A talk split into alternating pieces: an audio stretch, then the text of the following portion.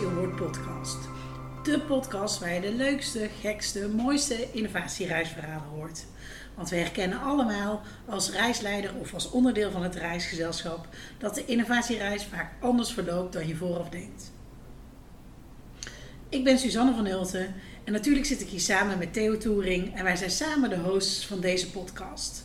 We gaan in gesprek met verschillende gasten en zijn nieuwsgierig naar hun innovatiereisverhalen. En vandaag gaan we in gesprek met Sipke van der Werf. En we zijn net er eigenlijk achter gekomen dat wij elkaar 13 jaar niet gezien hebben. Ja, zoiets ongeveer. Ja. Heel lang. Ja, heel lang geleden. We zijn namelijk collega's geweest. Gaat Sipke straks eh, eh, ook zeker nog wat over vertellen, maar we zijn collega's geweest bij Friesland Campina. Ehm Sipke heeft een heel mooi track record. Onder andere twee keer winnaar van de Wheel of Retail bij Pijnenburg. Eh Sipke ja, is zich in zijn carrière steeds meer gaan toespitsen op innovatie volgens mij, Sipke. En dat is eigenlijk wel Zeker. de rode draad Eerst, door eh, jouw leven. Breed begonnen, marketing totaal. Maar ja, innovatie is eigenlijk het leukste onderdeel binnen marketing. Dus vandaag. Grote bedrijven, kleine bedrijven, merk of private label, productinnovatie of verpakkingsinnovatie. Je bent volgens mij ook nog docent geweest in Utrecht, was dat volgens mij? Ja, aan de Utrecht Business School. Ja. Eh, noem het of Sipke heeft het gedaan op innovatiegebied. en tegenwoordig werk je bij de SPAR. Dus je hebt niet, zo- niet alleen aan de fabrikantenzijde innovaties gedraaid, maar je draait nu ook innovaties aan de retailzijde. Dus eh, Suzanne en ik dachten, dit is natuurlijk een geweldige persoon om hier aan tafel te hebben over, om te praten over de innovatiereis. Zeker, leuk. Nou, we zijn blij dat je er bent, Sipke. Welkom. Dankjewel. Kun je ons eens meenemen in jouw carrièreverhaal, Sipke? Zeker. Ik eh, heb bedrijfseconomie, specialisatie in marketing in Maastricht gedaan. Daar ben ik eh, via een uitzendbaantje bij een reclamebureau begonnen. Ik dacht, nou, dat is altijd handig, dan weet ik hoe zo'n bureau werkt. Want ik had ooit ik had de ambitie om eh, opdrachtgever te worden. Nou, dat heb ik anderhalf jaar gedaan. En toen ben ik eigenlijk bij Pijnenburg terechtgekomen eh, via een headhunter op een sales marketing trainee functie. Dus ik kreeg een auto mee met ontbijtkoeken en displays. En ga maar plaatsen. Let's go. Let's go. Heel leerzaam, maar ik wist ook wel heel snel dat dat niks voor mij was. De hele dag alleen in de auto en met ondernemers praten is superleuk. Maar ja, als er een ongeïnteresseerde vakkenvuller staat, dan kreeg ik daar wat minder energie van. En eh, uiteindelijk eh, mocht ik dus naar binnen, zeg maar, op marketing dedicated. En eigenlijk was het eerste project dat ik daar mocht doen, de relaunch van Wiggy Ketelapper. Dat was een merk wat eh, Pijnenburg al een aantal jaar in portefeuille had. Omzetten liepen echt ieder jaar weer terug. Ze hadden een dedicated fabriek daar in het noorden. En de directie zei, we geven jullie carte blanche. En je mag alles doen. En het is de laatste poging. En anders killen we het merk en gaan we iets anders doen. Dus we zaten met een team, eh multidisciplinair team, iedere eh, vrijdag in eh, Sint-Johannesga. Ja. Dat is onder Heerenveen. Ik woonde toen nog in Maastricht, dus dat was best een, een eindje karren. Ja. Maar goed, het was wel hele leuke dagen, want we zaten met productontwikkeling. Het reclamebureau zat vanaf dag één bij. En zo hebben we eigenlijk met elkaar nieuwe, het nieuwe concept voor Wiege Ketellappen bedacht en ontwikkeld. En dat waren eigenlijk een concept met de allitererende Friese namen. Dus we hadden de, de standaard eh, kruidkoek, de grote, die hadden we omgedoopt tot ware wieger. En we hadden allerlei nieuwe varianten toege- toegevoegd. De snelle Jelle, wie kent hem niet? Snel Jelle is Ja. daar ook een van de kindjes eh, Ja. van. Maar we hadden ook fruitige vrouwtje, slanke sjoukje. Zelfs Oh, heeft ooit ja. nog een stoere Sipke in het schap gelegen. Maar die heeft het niet heel lang gered. maar het was wel echt eh, een prachtige tijd. En eh, we hebben ongelooflijk veel eh, geleerd. Toen ben ik eh, marketingmanager geworden. Toen zijn we overgenomen door Lotus. Toen kwam ook de speculoos en de, de, de koffieleutjes hebben toen geïntroduceerd. Ja, dat was ook een heel ander schap voor mij. Dus daar heb ik eh, ook veel van, eh, van geleerd. En toen wilde ik me eigenlijk gaan specialiseren op, eh, op innovatie. Want een commercial opnemen is hartstikke leuk. Maar als je het twee keer hebt gedaan, nou, voor mij geeft dat niet de energie. Een vak anders, een, een ander vak. Een heel ander vak. En innovatie is altijd nieuw. En je denkt dat je ergens gaat eindigen. Maar je eindigt toch net even anders. En de reis die is al helemaal niet zo als je het hoopt of denkt. Nou, dat Ja. is mooi. Hè? En Ja. dat, dat, dat vind ik heel erg aantrekkelijk. Dus toen ben ik bij Friesland Campina terechtgekomen. eh op een dedicated eh, lange termijn innovatieclubje. En eh, nou, daar hebben we ook mooie innovaties kunnen doen. Eh, onder andere de Latisse opschuimmachine is daar, eh, heb ik aan de wieg gestaan. Geweldige innovatie. Ja, nou, dat heeft wel bloed, zweet en tranen gekost. Ja. Eh, daar hebben we dingen goed gedaan, maar ook wel eh, misschien wat eh, dingen kunnen we anders doen. Uh, marketingmanager food service geweest. Maar ik merkte dat Friesland Campina werd heel groot voor mij. Dus het paste gewoon iets minder bij mij als persoon. Mhm. Toen ben ik de snacks ingegaan.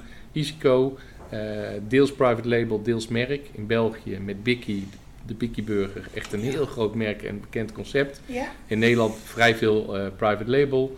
Uh, nou, ook een aantal jaren gezeten. Uh, toen heb ik een aantal jaar voor mezelf gewerkt als nou, marketing innovatie consultant. Dus ik heb bedrijven geholpen op positionering, maar ook met nieuwe concepten. Maar ik ben niet iemand die voor zichzelf moet werken. Kwam ik na een, een tijdje achter. heb je in ieder geval geleerd, toch? En dat heb ik geleerd. Voor jou werkt. Absoluut. En ik heb ook wel echt geleerd dat het eigen ondernemen, nou, ik denk dat Theo dat wel kan beamen, toch wel anders is. Hè? Als je ergens in dienst bent, dan krijg je iedere maand keurig op dezelfde dag je salaris gestort. Ja, als de opdrachtgever zijn rekening niet betaalt, dan heb je even ja. geen geld of is toch anders. Had je de stap willen missen? Had je hem niet willen nemen? Of nee, ik, ik, ik, het kriebelde altijd. Hè, en, en weet je, het is ook een soort. Iedereen zei: ik wil voor mezelf beginnen. Ja, ja ik, ik denk altijd: pas bij je of niet. Hè. Ook ja. type bedrijven passen bij je of niet. Ik heb waanzinnig veel geleerd. Ik heb genoten van de vrijheid, want dat is wel echt heel erg lekker. Mijn vrouw is ook zelfstandig ondernemer, dus we hebben ook wel eens gewoon overdag als het mooi weer was, zijn we gewoon lekker gaan zeilen. En dan klap je. Drinkt je ook veel, hè? Ja, en, en dan klap je s'avonds je laptop open en dan ga je dan werken. Dus ja, weet je, dat, dat, dat is wel gewoon het voordeel. Als je één ding zou willen noemen, uh, wat dat je gebracht heeft, één woord of één zin? Of... Nou, dat ik me realiseer, zeker in mijn huidige baan bij, uh, bij, uh, bij Spar, is het echte ondernemen. Dus echt verantwoordelijk zelf zijn voor je inkomsten en zorgen dat je je eigen boterham verdient. En ja, dat heeft me echt wel geleerd dat dat echt anders is. En dat realiseer je niet zo als je gewoon in loon Is dat de pijn voelen? Is dat, of, of? Ook, ja. ook, maar ook de successen. Ja. Weet je, dat je ook echt dingen kan, kan vieren. Dat je eigen vrijheid hebt om beslissingen te nemen. Nou, dat heeft een voordeel.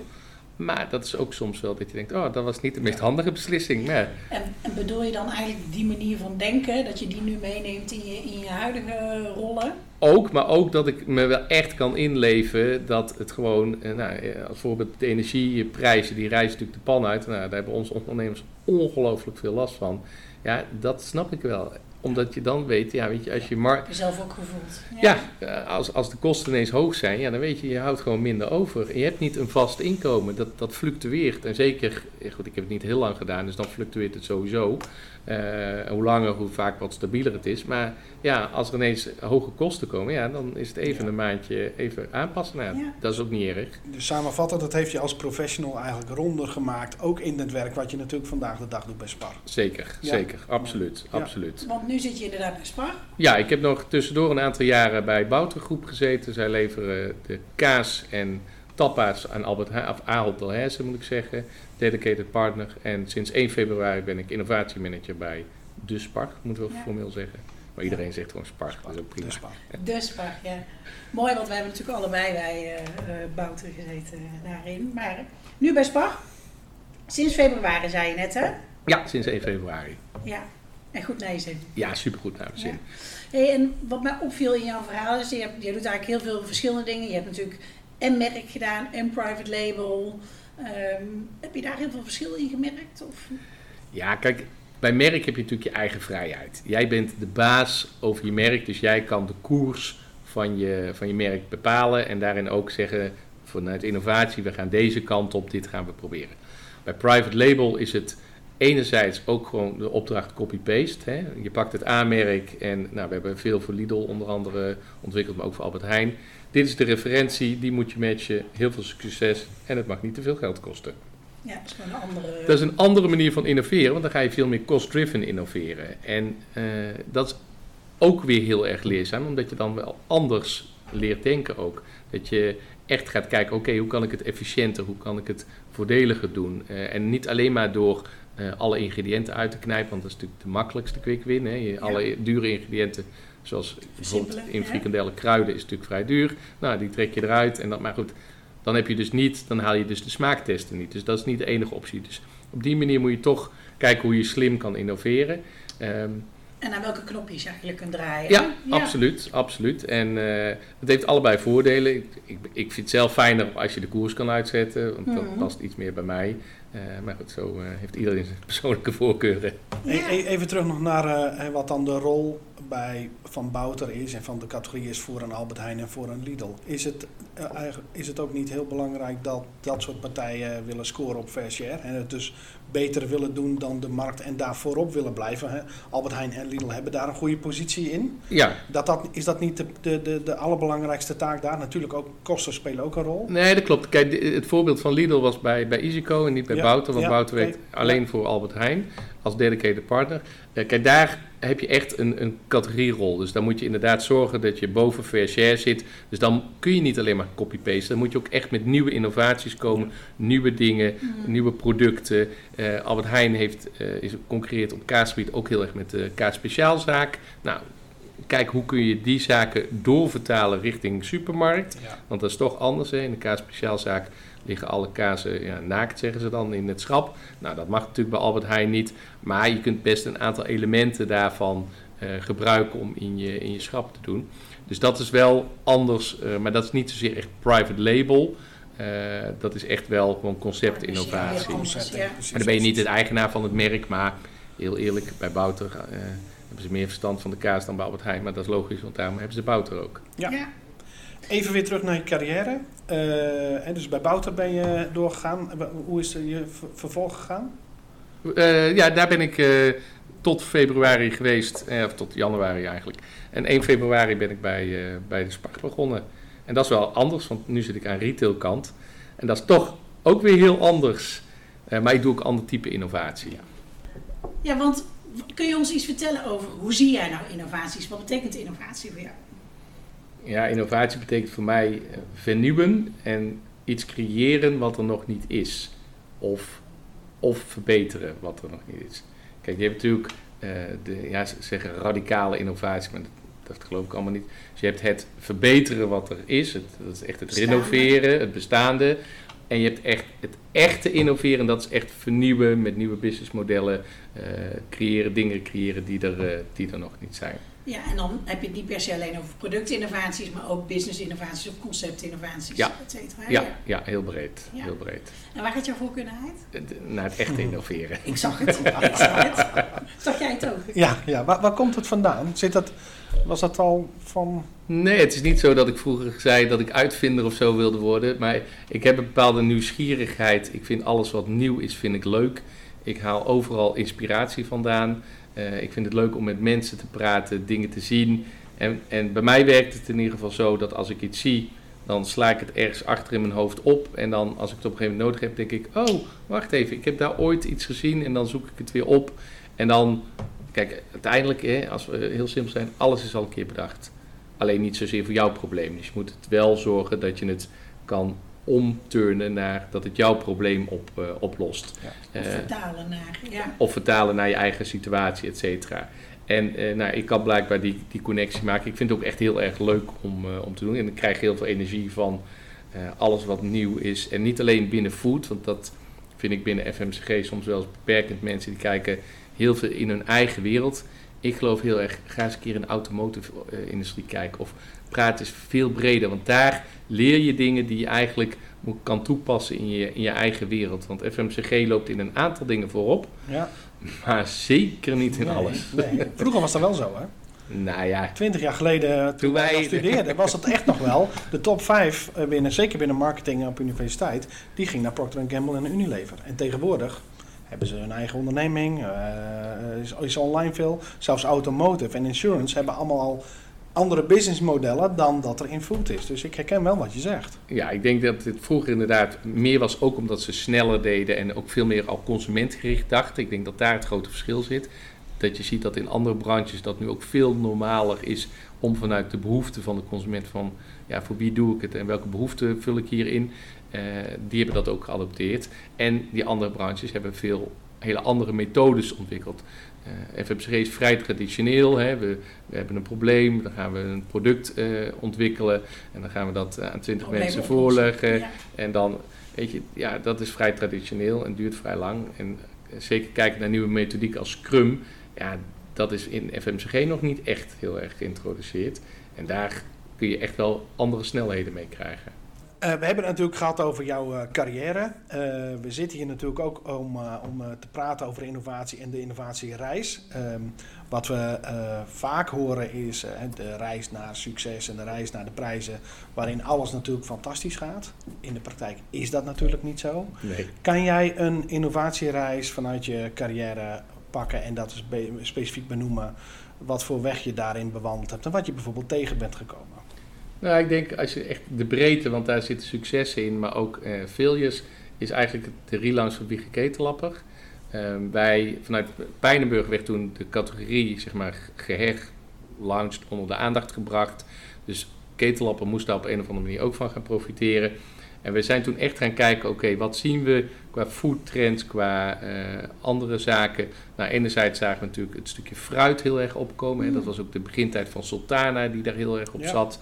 Um, anderzijds zagen we ook dat calorieën en suiker wel een issue was. En zo hebben we eigenlijk verschillende concepten ontwikkeld. Maar ook verwennen was er eentje en onderweg.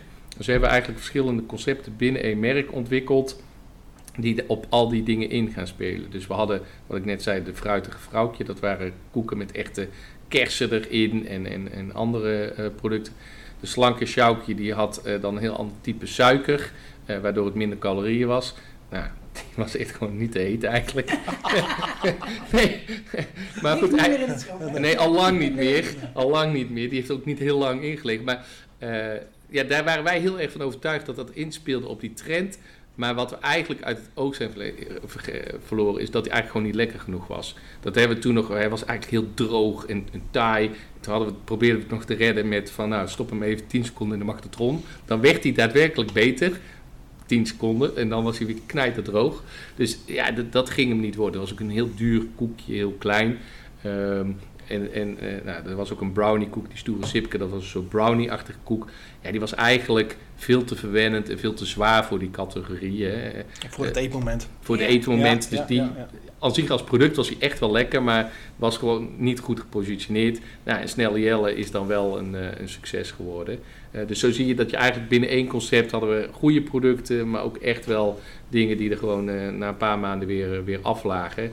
Wij waren toen overtuigd van ja, dit is echt een prachtig concept, want we spelen in op de trends hè, en dat klopt allemaal wel. Maar als je dan achteraf kijkt, dan zie je toch ook wel dat een aantal dingen soms uit het oog zijn verloren.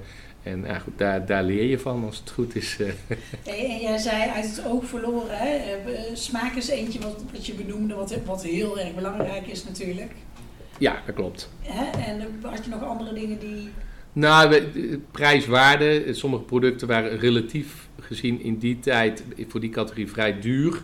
Ja, dan, uh, dan kun je nog steeds een heel lekker product hebben. Maar als het eetmoment en, je de omgeving waarin je ligt anders is, ja, dan zie je toch dat consumenten denken: oh, dat is best wel veel geld mhm. voor een ontbijtkoek. En als je dus niet in staat bent om het te laten zien dat het iets anders is en voor hun te weinig toegevoegde waarde heeft, dan kopen ze het niet.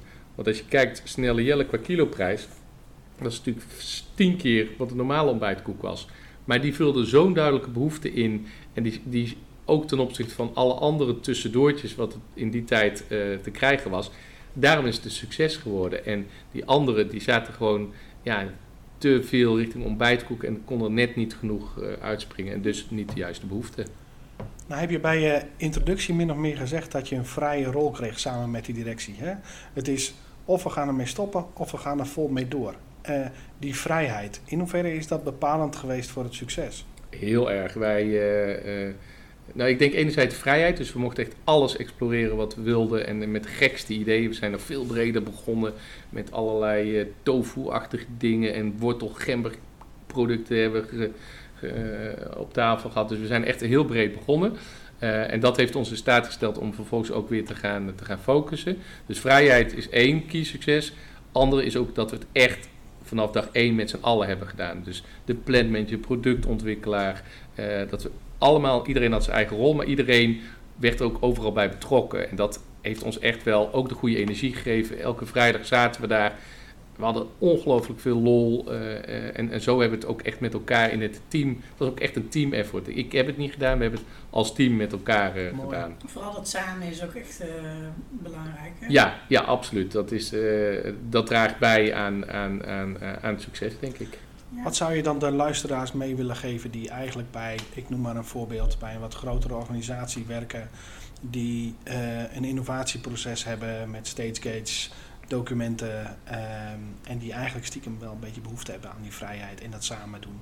Wat zou je ze mee willen geven? Nou ja, kijk, ik geloof dat er zeker eh, eh, een bepaalde vorm van stage gates altijd goed. Weet je, als je volledige vrijheid geeft, dat gaat ook niet goed. Dus je moet wel op gezette tijden met een aantal stakeholders om tafel zeggen: jongens, hier staan we. Want soms word je ook wel wat blind door je eigen, eh, eigen visie en Ja. als groep zijnde. Dus dan is het goed dat er een kritische, nou, CFO's, hè, die zijn over het Ja. algemeen kritisch, Ja, dat die ook eens kritisch meekijken. Ehm, dus daar geloof ik heel erg in. Ik geloof wel dat als het een renovatie is, dat het veel beter in zo'n proces past. Als je echt naar echt nieuwe dingen gaat, hoe radicaler of hoe nie- innovatiever je concept is, hoe meer vrijheid je moet krijgen.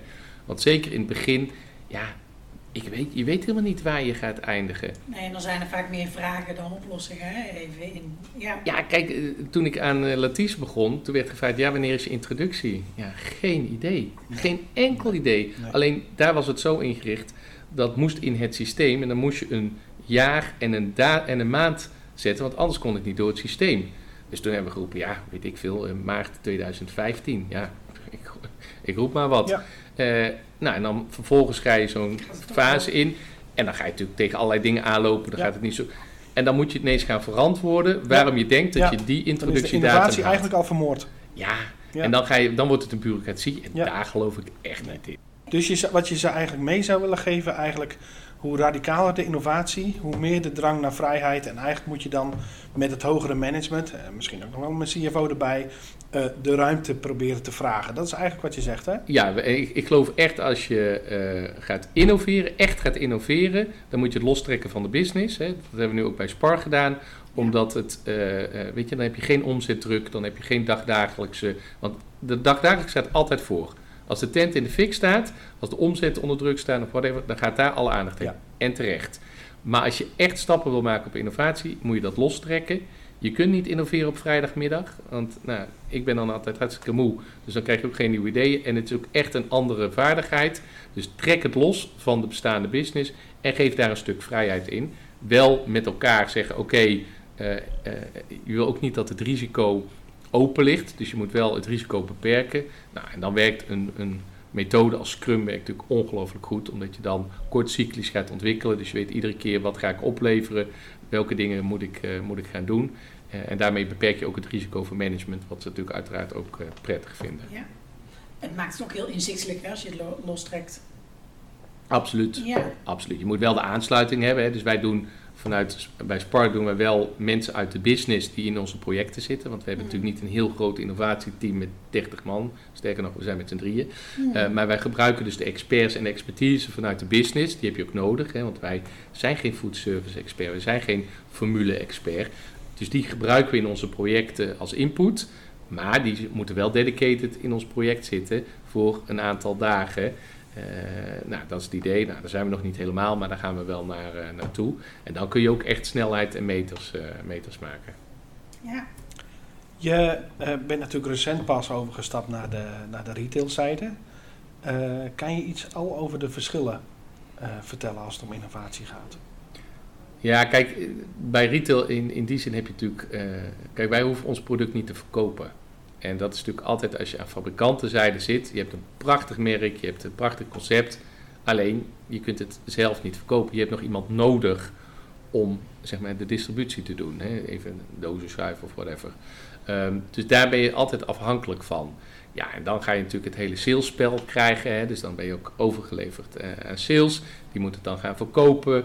Nou, dat is natuurlijk in die zin anders. Uh, tuurlijk moet ik ook verantwoording afleggen. Maar in die zin eh, eh, zijn we wel vrijheid. Als wij bepalen, dit gaan we zo doen, dan hoeven we dat niet verder nog eh, te verkopen. Dus dat Nee. maakt wel echt een, eh, een groot verschil. En je ziet natuurlijk dat steeds meer macht bij die retailers komt te liggen. Eh, nou, daar moet je ook wel goed bewust van zijn en goed bewust mee omgaan. ja. Geloof je ook in co-creatie samen met fabrikanten eh, innovaties ontwikkelen in, aan de, voor retailzijde vanuit, vanuit jouw kant, vanuit jouw rol? Eh, ik denk zeker dat je eh, kan profiteren van elkaar. Of het echt co-creatie is, Ja, dat kan, maar dat, het, het lastige daarvan is, soms heb je toch tegenstelde belangen. Ja. En eh, kijk, als je met één fabrikant zit, die wil natuurlijk zijn eigen producten pushen. En dan is altijd de vraag, is dat dan uiteindelijk de beste oplossing? Of ga je dan, omdat je toevallig met deze partij aan het co-creëren bent, Ja. die richting op? Dus ja, ik geloof heel erg in, in, in eh, eh, eh, dingen samen doen. En, maar of je het helemaal moet doen, dat is- dat is een lastige.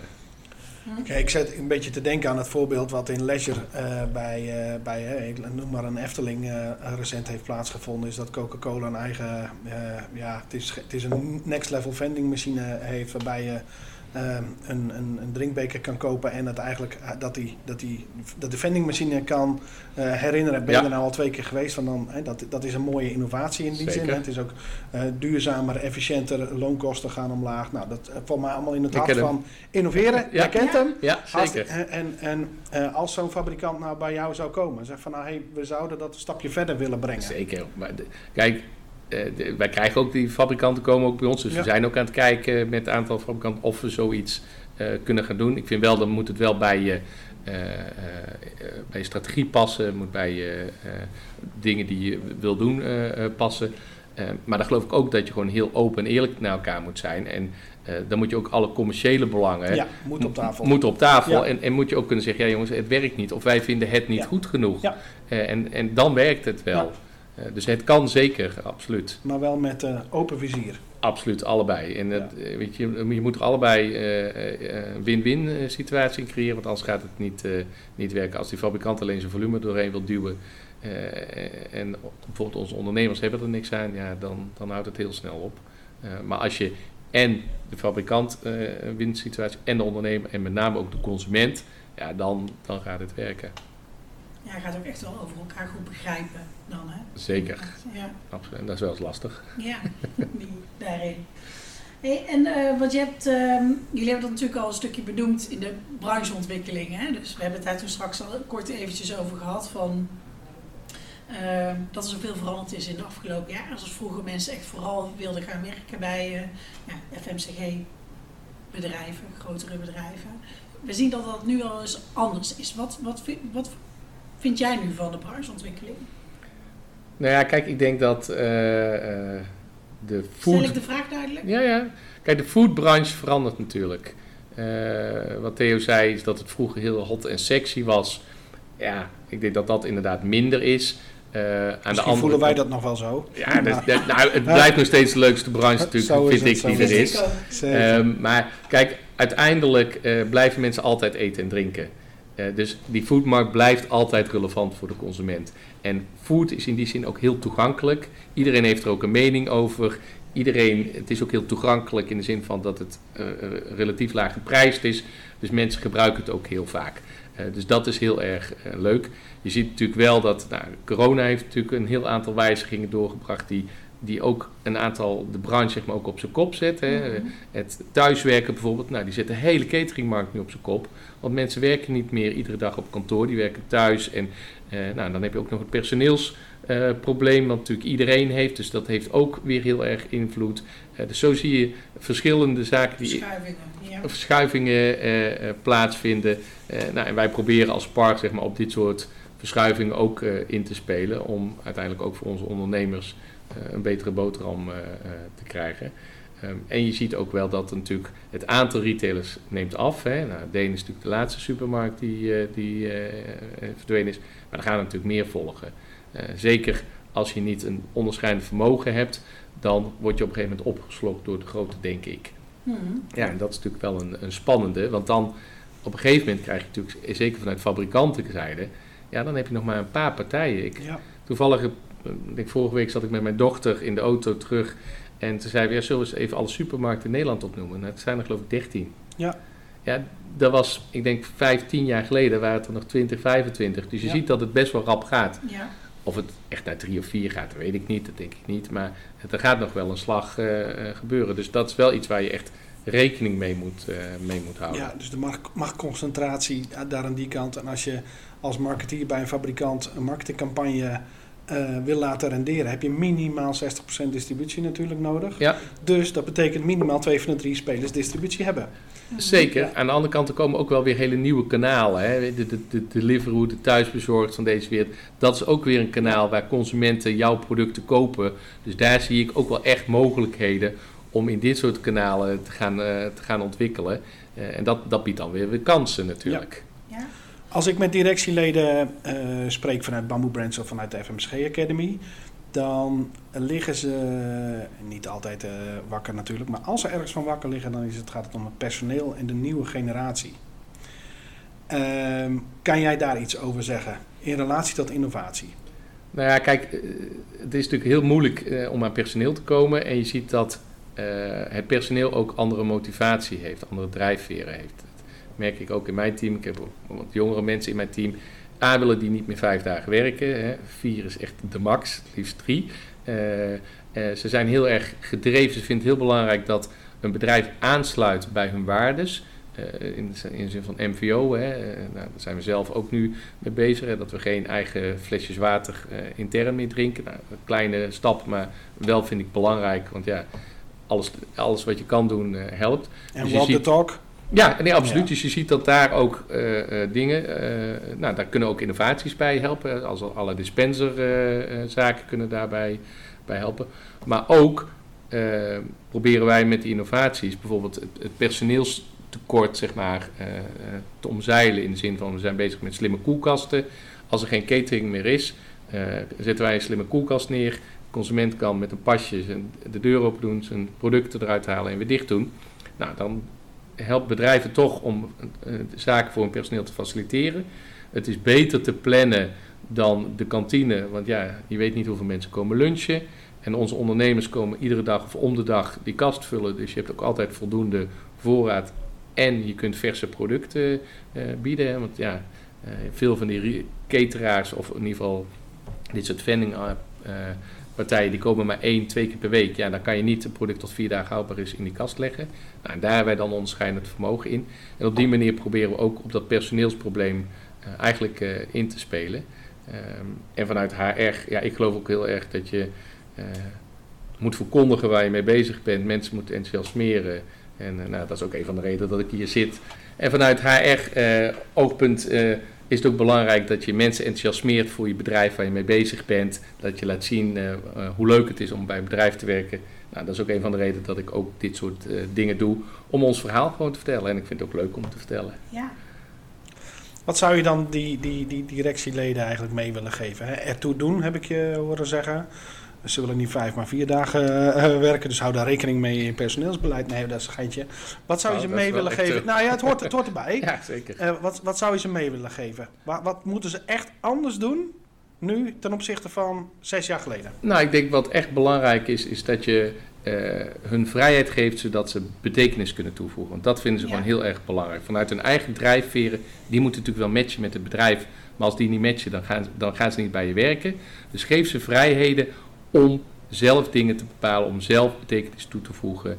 En dan gaan ze, dan gaan ze het werken. En dat is ook op innovatiegebied, maar natuurlijk breder. Maar eh, ik denk dat dat heel erg gaat, eh, gaat helpen. Is de oude managementstijl eigenlijk eh, overleden? Ja, ik, ik- denk het wel. Eh, Ik denk het ook. Ik denk dat, je, dat de manager van nu anders moet acteren, eh, veel meer op de persoon, eh, kijken wat de, de behoefte is. eh, en de empowerment of, of de teams en de mensen. Ja, het is meer een facilitator daarin. Zorgen dat iedereen goed in zijn vel zit, dat hij happy is. Ja, en dan, dan, gaan, dan gaan mensen vliegen. Dat is ook echt bewezen.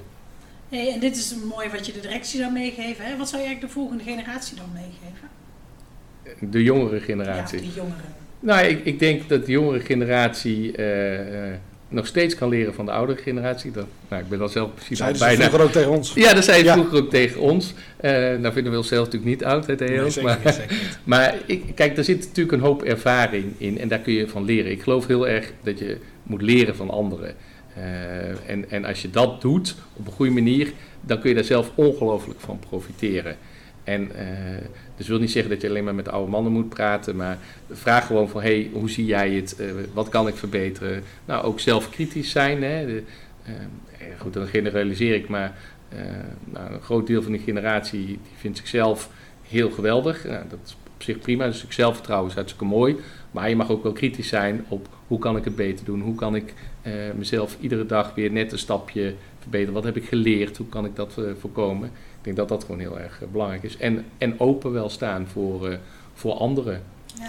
Doe me een beetje denken aan de, de. Ik heb ooit. eh, Als je innovaties leidt. Dan, dan heb ik het een beetje vergeleken met een, met een bondscoach. Eh, hè, in Nederland hebben we 16 miljoen, nou 17 miljoen inmiddels. 17 miljoen bondscoaches die altijd ergens wat van vinden. Maar de identiteit bondscoach is luister. Eh, doe er uiteindelijk mee wat je wilt, maar zet wel de lijn uit en wees wel ook een leider in om je innovatie door te, door te brengen. Herken jij dat? Ja, kijk, uiteindelijk als je innovatie leidt, je hebt altijd je experts nodig die het, uiteindelijk het werk doen. Eh, als je kijkt naar product ontwikkelen, over het algemeen ben je geen productontwikkelaar, in ieder geval ik niet.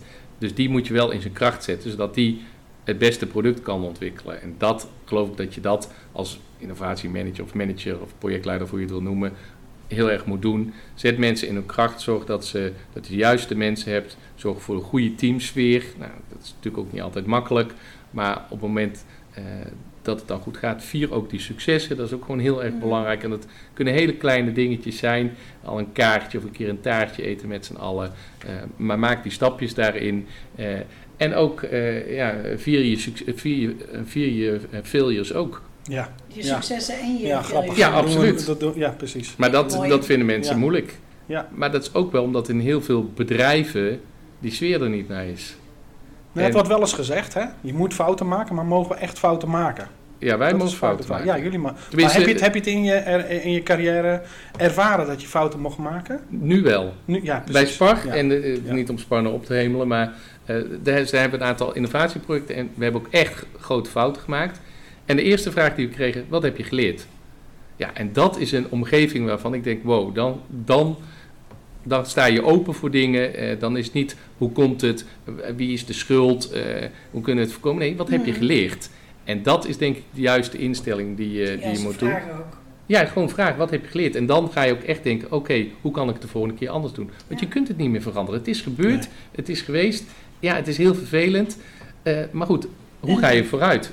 En door zo'n vraag, open vraag te stellen, eh, eh, krijg je eigenlijk de juiste sfeer om ook fouten te durven maken. Misschien die is, die dit ook blijven wel, komen. misschien is dit eigenlijk ook wel een hele concrete tip naar hoger management, directie, om die vraag te stellen. Hè? Absoluut. Vraag altijd, wat heb Ja. je geleerd, wat Ja. heb je geleerd? Ja. Niet, waar komt het door? Of wat, wat zou je anders doen? Nee, gewoon, wat heb je geleerd? Ja, En dan, als je de juiste teams hebt, die gaan vanzelf daar eh, eh, wel op komen. Mee aan de slag. Mee aan de slag. Mooi, ja. En dus volgens mij is dat sowieso wel een rode draad bij jou. Hè? Samen, continu leren en eigenlijk ook daar die vrijheid van in geven om daar, dat te kunnen oplossen.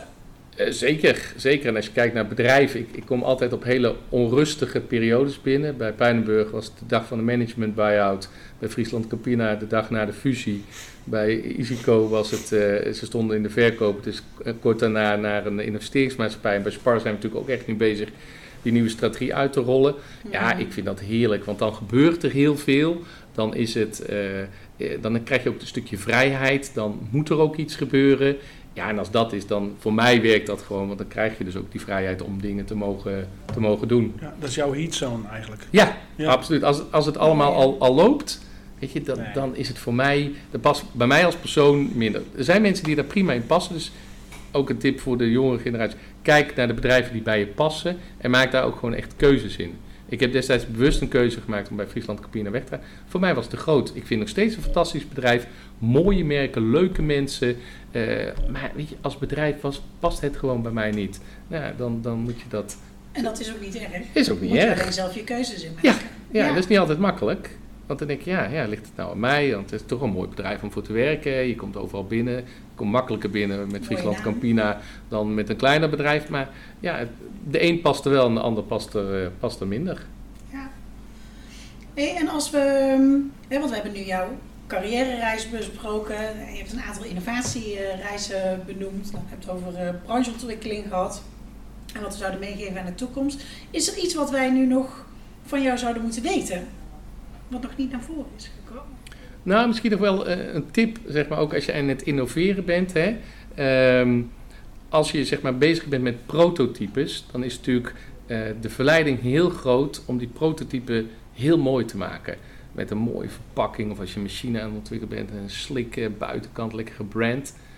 Ik zeg altijd, moet je niet doen, moet je niet willen. Want daarmee, één, heb je de verwachting dat mensen denken, oh, het is al klaar, morgen kan ik het hebben. Nou, vaak is dat helemaal niet zo. Nee? En twee, je ziet dat als je dat doen, doet, dan gaat de discussie vaak over hele kleine details. Ik vind die kleur niet mooi en die verpakking is niet mooi. Ja, daar gaat het op dat moment niet over. Dus als je, zeg maar, zeker in het vroege stadium van innoveren bent, maak het gewoon eh, lelijk in die zin.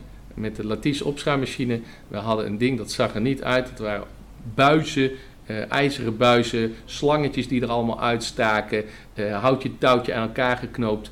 Maar dat was prima, want het ging ons om de technologie die erin De zat, functionaliteit. dat te Ja, bewijzen. precies. De functionaliteit. En later weet je, dat kastje, Ja. dat komt wel. Daar maak je wel een mooi kastje om. En dat maakt allemaal niet zoveel uit. Maar het gaat even om de basis. Dus ga niet te snel denken, ik moet iets fancies neerzetten, want dat verkoopt lekker. Dat komt later wel. Dus begin gewoon lekker bij de basis en houd gewoon, keep it simple. En zo kun je eigenlijk echt de toegevoegde waarde toetsen. Juist, Ja. juist.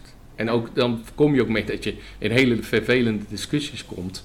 eh, waar het eigenlijk helemaal niet om gaat. Ja, of de kleur nou mooi is of niet. Ja, dat is helemaal niet interessant. Maar je ziet dat management zich toch vaak ook door dit soort dingen laat verleiden. eh, daarop. En ja, voor die discussies moet je wel proberen weg te blijven. Hoewel het gewoon heel erg moeilijk is. Ja, ik ben eigenlijk wel benieuwd wat hij heeft meegenomen. Ja, ik ook. We hebben je natuurlijk gevraagd om iets mee te nemen wat jou typeert. Je carrière vertegenwoordigt of eh, wat je heeft geïnspireerd. Nou ja, kijk, wat, wat mijn kindje is, is natuurlijk Snelle Jelle. En dat is een, een product waarvan we eigenlijk op voorhand met elkaar, als we heel eerlijk zijn, niet hadden verwacht dat het zo'n succes zou worden. Ik zeg altijd, als ik had bedongen dat ik 1 cent per reep had gekregen, dan had ik niet meer hoeven werken. Maar goed, Had je hier nog wel gezeten? Dat had ik hier nog wel Ja, gezeten. maar ja, zo werkt het natuurlijk niet. Nee, nee. Eh, maar dat is een, een product wat, eh, waar we ook echt houtje touwtje zijn begonnen. Letterlijk eh, op, op zondagavond had de technische dienst had daar een malletje gemaakt. Daar werden die reepjes ingelegd en met een stickertje eroverheen. Die sticker die heb ik gewoon gejat van de knoppersticker. Eh, die pennywafeltjes die toen in de supermarkt waren, die hadden die verpakking. Want ik was op zoek eh, naar een verpakking die open was, maar wel, eh, en dat is wel vanuit Insight, dat niet je koeken los in je kastje liggen, want dat hadden mensen een hekel aan. En door die, die, die sticker, zeg maar, bleef het lekker aan elkaar, maar je kon het wel makkelijk één of twee eraf pakken. En, ja, we zijn dus echt houtje touwtje begonnen, hadden wel de eindvisie klaar. Want ja, uiteindelijk moesten we natuurlijk wel presenteren van als het succes wordt, dan is dit je PNL. Maar laten we houtje touwtje beginnen, dus nu is de marge lager. Nou ja, en binnen een jaar stonden er gewoon vier machines 24 uur per Ja, dag te stampen. En is gewoon een hele nieuwe categorie geworden. En ja, en dat is Een wel moment. Ja. een moment. En nog steeds als mensen snel ja, ik vind dat wel erg leuk als ze dat kopen. En ja, ook ik blijf überhaupt altijd in de supermarkt langs alle schappen lopen waar ik heb gewerkt. En ik leg ze ook nog recht. Dus mijn, mijn familie vindt het vreselijk om met mij boodschappen Ja, te doen. Ja. Ik, ik loop er nog altijd langs en ik kijk Ja. wat voor nieuws of ik, ik, ik doe het recht. Ja, dat blijft een beetje de tikken erin zitten. En, eh, Beroepsdeformatie. zeker, Zeker, zeker. Als vaste afsluiter hebben we altijd een, eh, ja, je meest favoriete quote of een innovatiequote. Kan jij die met ons delen, Sipke? Ja, ik heb gekozen, want er zijn natuurlijk heel veel hele mooie eh, eh, quotes vanuit eh, innovatie. Maar ik heb een quote van Elon Musk gekozen. Failure is an option here. If things are not failing, you're not in- innovating enough. Weet je, dus ik geloof heel erg in maak fouten, durf fouten te maken. Zorg dat er een sfeer is waarin je fouten mag maken. Maak wel zorg, zorg wel dat de fouten zo klein mogelijk zijn in de zin van probeer iets wat groot is heel klein te maken, zodat je heel snel al kan valideren of het werkt of niet, of dat het goed is of niet. Nou, echt de Scrum-methode eh, daarin. Ja, en als je een fout maakt, leer ervan en, en ga weer door. Eh, en dan uiteindelijk zul je zien dat het, dat het uiteindelijk beter gaat. En dan nog, weet je, er is nooit een garantie. Dat is altijd, het blijft altijd. eh, er zijn zoveel zaken van invloed of iets succes wordt of niet. Ja, dat, niemand heeft de gouden regel. Als je die hebt, nou dat is echt heel knap, want dan ben je spekkoper. Eh, je kunt wel zorgen dat je het risico minimaliseert. En dat is denk ik belangrijk.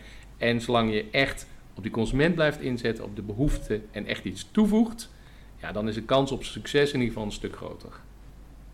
Hartstikke mooi, Sipke. Mooie daarin. Wat daar nou net ook weer in terugkwam, wat ik een mooie vond, is dat we eigenlijk zeiden, hè, durf fouten te maken. Maar dat is ook dat je tegen de directie zei, hè, mijn tip is eigenlijk van, stel dus ook die vraag, wat heb je daar dan van geleerd? En eigenlijk, hè, de mensen die nu in die processen zitten, zeg je, probeer daarin ook zo vrij, ja, je hoofd zo vrij mogelijk te houden om ook die fouten te durven maken. Ja, absoluut. En, en Ja. kijk gewoon breed. Kijk, eh, eh, ga veel netwerken, daar geloof ik heilig in. Eh, ook in je eentje. Ga niet met je team Nee, netwerken, nee, dat werkt nee, niet. precies. Gewoon in je Nee, eentje ja. eh, op, naar congressen, naar, en niet naar alle tip, congressen, ja. maar wel gewoon, want dan leer je mensen kennen. Ja. Eh, ga gewoon Ja. kopjes koffie drinken en denk niet meteen alles moet nut hebben. Dat komt later wel. Sta je weet open, nooit, hè? nooit van, van eh, waar het goed voor is. Het valt uiteindelijk wel. Uiteindelijk of niet. Ja. Nou ja, weet je, maar uit elk gesprek, is wat ik heb, daar leer ik iets. En denk, nou, dat heb ik mooi geleerd. Die kan ik meenemen. En dan kun je zeggen, ja, dat kostte twee uur. Ja, nou ja, Ja. Vrijheid. Ik voel ook heel veel vrijheid bij. Volgens mij moet je dit soort functies ook ehm, eh, echt wel heel veel van vrijheid houden. Wil je eh succesvolle innovatiemanager of Ja. directeur of wat dan ook En die vrijheid wel aankunnen. Want Die er komt natuurlijk ook een precies. verantwoordelijkheid Ja, bij. Kijk, het is niet vrijheid, blijheid. Nee, Heel eerlijk, wij moeten ook deliveren. Ja. Wij moeten ook gewoon zaken opleveren. Eh, maar ik heb in ieder geval, ik persoonlijk heb die vrijheid nodig om ook een stuk creativiteit te hebben en om dingen te kunnen. eh, mij te veel in een hokje en te beperken, dat, dat werkt Mhm. bij mij niet. Eh, maar het betekent niet dat je geen verantwoordelijkheid hebt. nee. Ook niet naar je team toe. Ik geef mijn team Nee. alle vrijheid. En ik zeg ook, jongens, je hebt alle vrijheid. Maar als we deze de afspraak is afspraak. Dat is gewoon heel helder. Dus als je zegt, ik ga iets opleveren, dan ga je iets opleveren. Of je verklaart waarom je het niet kan opleveren. En daar moet je een goede reden voor hebben. Ja. Van niet, ja, ik was er niet toegekomen. Nee, nee, deal is deal. Eh, Want anders wordt het te vrijblijvend. En vrijheid en vrijblijvend, dat is natuurlijk een glijdende schaal. En als het vrijblijvend wordt, dan gaat het niet werken. Nee, het is en en. En vrijheid en verantwoordelijkheid. Zeker, Ja, absoluut. hierin. absoluut. En naast vrijheid voel ik ook heel erg samen bij jou heel veel terugkomen en continu blijven leren. Ja, ja, kijk, samen, je kunt het toch nooit in je eentje, dat moet je ook niet willen. Eh, iedereen heeft zijn kwaliteit en je vult elkaar aan. Eh, en, en, dat is, en dan is het ook eigenlijk veel leuker. Als je samen het succes kan vieren met elkaar, ja, er is niks mooier dan, eh, dan dat. Hè? Een team, teamplayer. Eh, en dan inderdaad ook gewoon nou, kijken wat, wat de volgende keer beter kan. Waarbij je niet, maar goed, dat vind ik, elke keer dat op een belerende manier moet doen. Je moet gewoon denken, oké, weet je, dit moet ik volgende keer anders doen. En dan, en dan weer door. En gaan. Weet je, ga ook maar gewoon. Ga maar doen. Doen. Want anders, eh, ik geloof niet te veel in plannen. Ja, je moet bepaalde Stippen hebben. stip hebben, maar ga maar gewoon beginnen. Want ja, je kunt drie maanden aan een plan werken. Je kunt ook drie maanden werken hoe je je innovatieproject allemaal wil gaan neerzetten. Maar je zult zien, na een week is het toch weer net weer anders dan dat jij je plan hebt. En dan heb je weer twee maanden verloren. En dat is zonde van je tijd. Ga maar gewoon beginnen.